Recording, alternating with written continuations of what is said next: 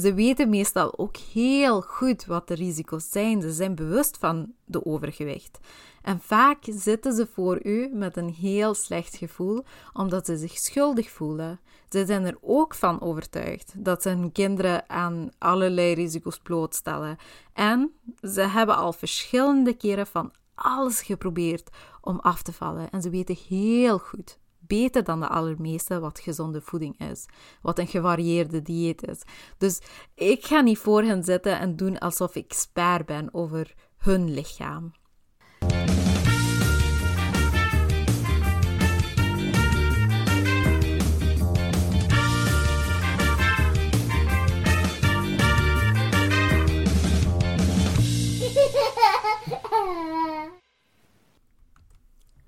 Welkom bij een nieuwe aflevering van Pregopod. Ik heb een beetje pauze gehad over de vakantie, maar nu vliegen we er terug in. Ehm, ja, ik heb een beetje feedback gehad uh, over de manier waarop ik praat. Uh, sommigen vinden dat ik veel te traag praat, anderen vinden juist dat ik veel te snel praat. Dus nu ben ik heel erg bewust van de manier waarop ik praat. Um, ja, uh, ik moet mijn familie uh, bedanken voor hun steun, die de deze verwarring heeft veroorzaakt. Anyways, we gaan terug naar de aflevering voor vandaag.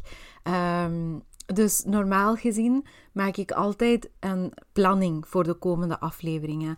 Maar de gekozen topic voor vandaag, uh, dat is eentje die ik spontaan wat meer over wil vertellen.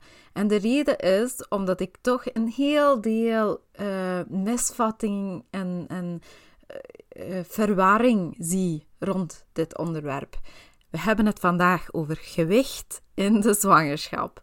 Um, en vandaag ga ik twee extremen bespreken als het over gewicht gaat.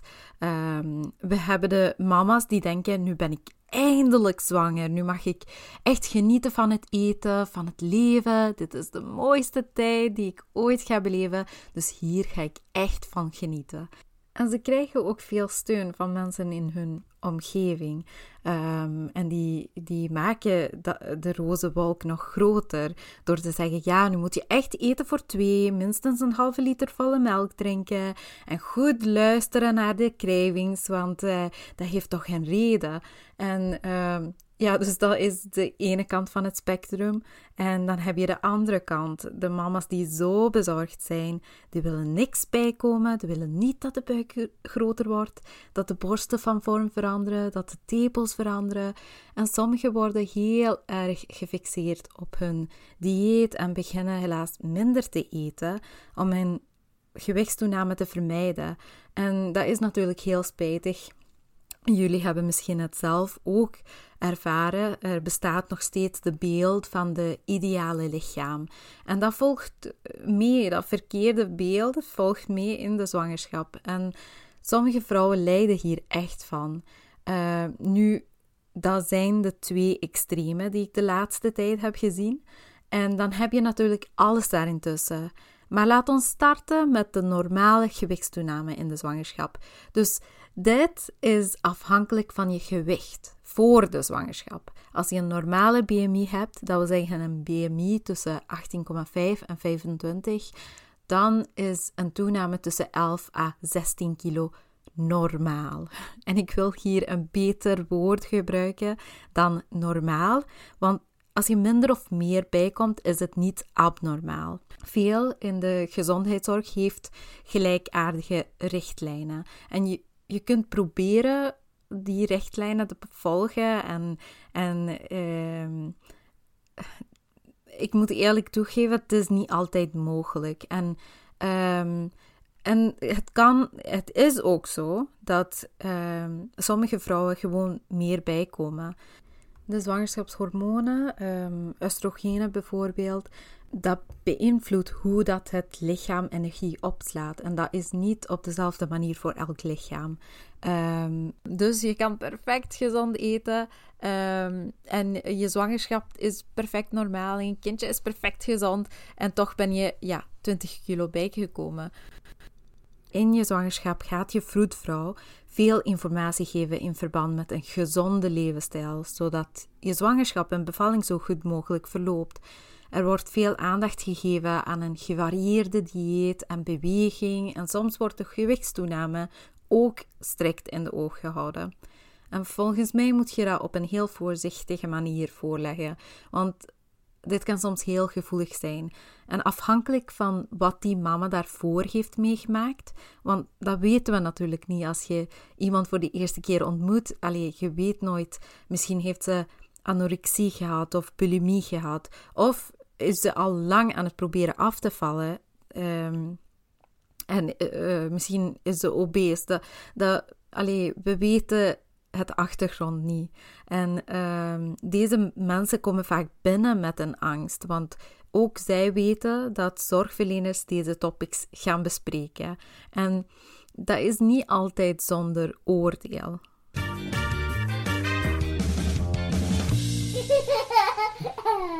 Een van de vroege zwangerschapssymptomen is misselijkheid. Voor de allermeeste gaat dit over, of wordt het meestal beter na de eerste trimester. Uh, soms kan het toch duren tot 16, 20 weken.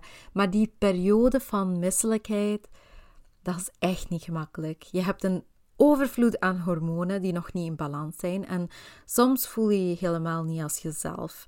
Iemand die vroeger heel gezond at, wil misschien alleen pannenkoeken met slagroom eten. En tijdens de eerste trimester moet je soms heel lief zijn tegen jezelf. Ik at bijvoorbeeld alleen aardappelen met boter en zout voor drie weken. En daarna ben ik overgestapt op een halve watermeloen per dag. dus, want dat is de enige wat je zin in hebt. En dat moet oké zijn. Ehm, en voor sommigen is de misselijkheid zo fel dat ze niks kunnen eten en ze moeten braken. En dat leidt natuurlijk tot een gewichtsafname. Dat is ook normaal in de eerste trimester.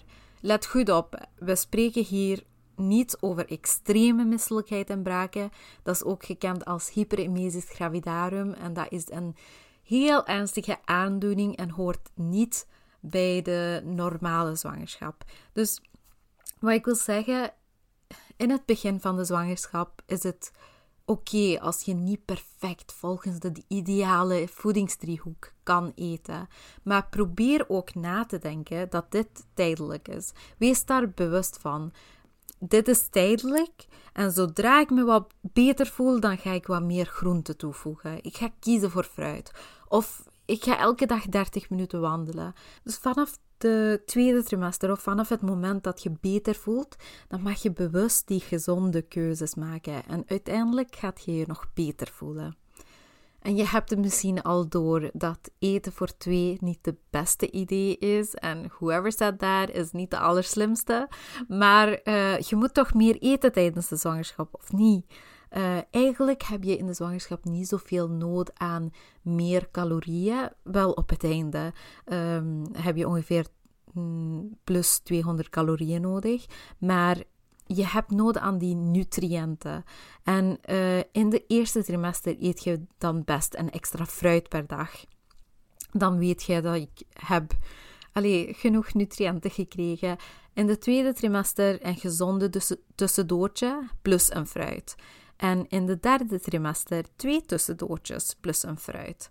En um, dan praten we niet over een uh, ganse maaltijd. De tussendoortje, dat is bijvoorbeeld een beetje yoghurt met muesli of een fiberrijke boterham met komkommer of paprika. Dus als je al gezond en gevarieerd eet, mag je genieten van deze extraatjes.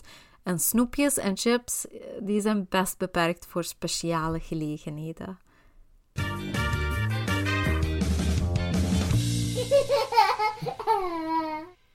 Maar wat als je al een overgewicht hebt of als je lijdt van obesitas?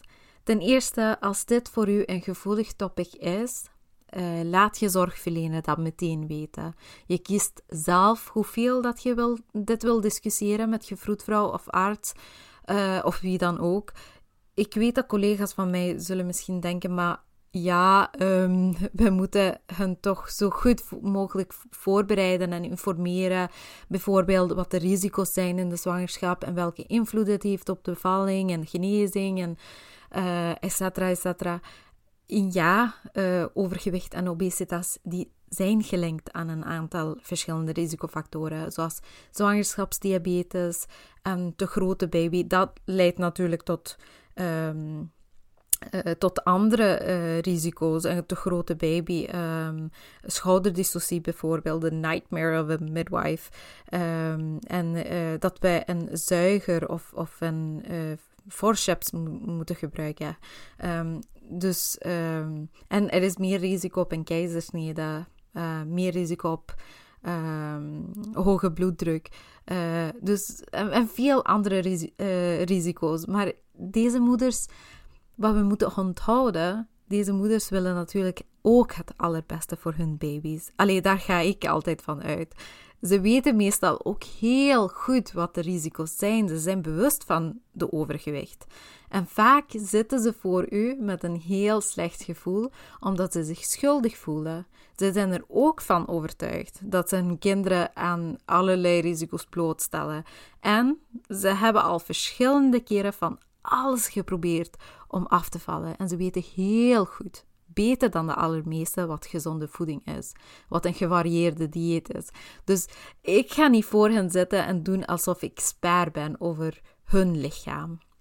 En om eerlijk te zijn, bij een goed opgebouwde relatie, deze topics worden uiteindelijk wel bespreekbaar.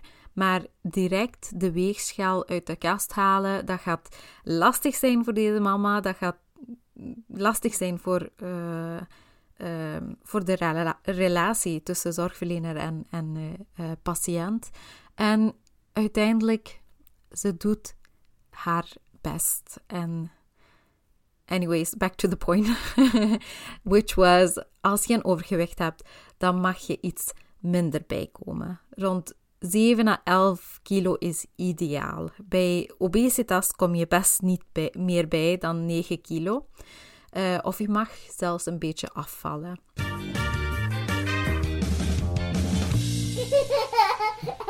Tijdens deze opname heb ik verschillende keren termen gebruikt, zoals gezonde voeding en gevarieerd eten. Maar wat is dat juist? Ik ga een paar voorbeelden geven.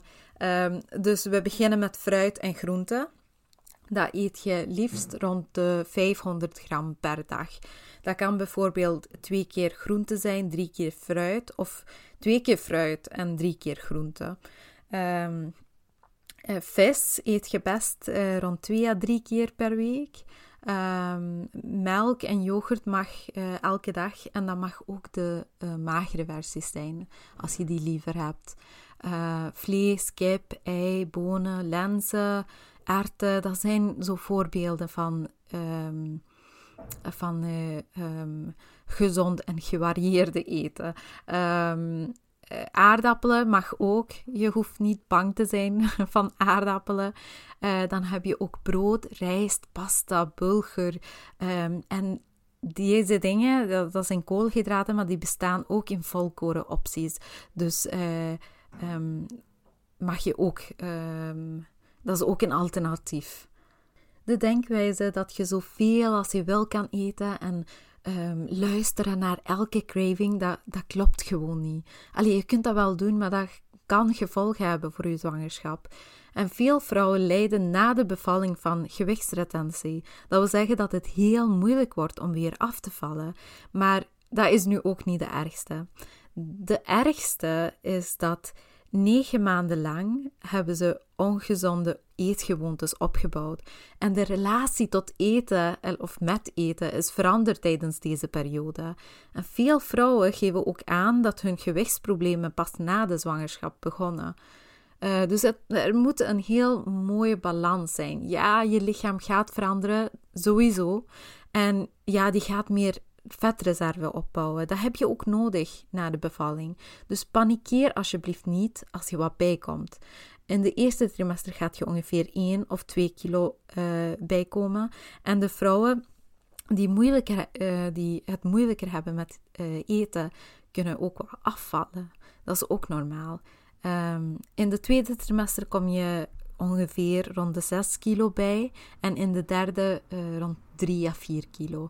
En zoals ik daarvoor al zei, deze richtlijnen of kaders zijn soms heel moeilijk te volgen. Het kan ook uh, zijn dat je maar 2 kilo bijkomt in de tweede trimester, maar uh, veel meer in de derde. En dat is ook oké. Um, en je zwangerschap weegt ook. Um, maar wat is het eigenlijk dat weegt? Dat ga ik zo vertellen. Um, op het einde weegt de baby ongeveer 3,5 kilo.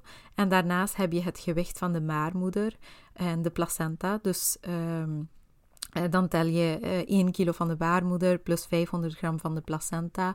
Je hebt, je, de borstweefsel uh, neemt toe. Uh, dus dat is ongeveer 1 kilo bijtellen. Dan heb je het vruchtwater plus 1 kilo.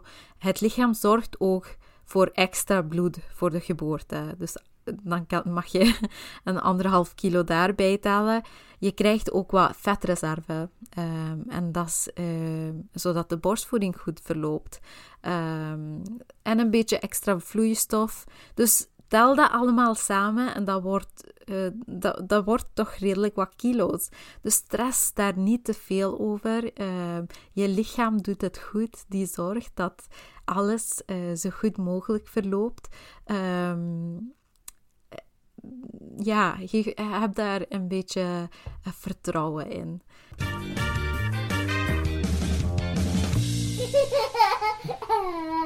Nu hebben we het veel gehad over dieet en eetpatroon. Maar beweging, dat is ook een heel belangrijk deel van een gezonde levensstijl. Sport je al, dan moet je niet onmiddellijk stoppen omdat je zwanger bent. Natuurlijk is het soms moeilijk om op dezelfde manier te blijven sporten. Um, zeker in het begin door vermoeidheid of misselijkheid. Maar je mag gerust blijven sporten. En rond de 20 weken moet je misschien uh, je fitness wat aanpassen. En voor sommigen zal het lichaam al vroeger aangeven dat hey, je mag een beetje chillen. Dus goed luisteren wat je lichaam heeft te vertellen. Low impact sport, zoals wandelen, fietsen, zwemmen, dat mag je gerust blijven doen. Yoga is ook een echte aanrader. En doe je high intensity sport of um, contactsporten zoals jiu-jitsu of karate? Of ben je misschien een diepwaterduiker? Dan wil ik eerst en vooral zeggen, uh, amai, indrukwekkend. En daarna zou ik u aanraden om dit toch eens te bespreken met je gynaecoloog of Frudy. Um, ben je geen sporter, is het nu misschien niet het ideale moment om een weightlifting kampioen te worden. Maar een wandeling van 30 minuten per dag, dat gaat je echt deugd doen. En um, gaat je zwangerschap ook deugd doen. Uh, ik had blijkbaar veel te zeggen over gewicht uh, in de zwangerschap. En ik heb het gevoel dat ik niet helemaal uitgepraat ben. Uh, maar vond je dit leerrijk? Of ja, ben je met me eens? Of heb je twijfels of vragen die je graag wil stellen? Laat me dan gerust weten. En ja, tot de volgende keer. Bye.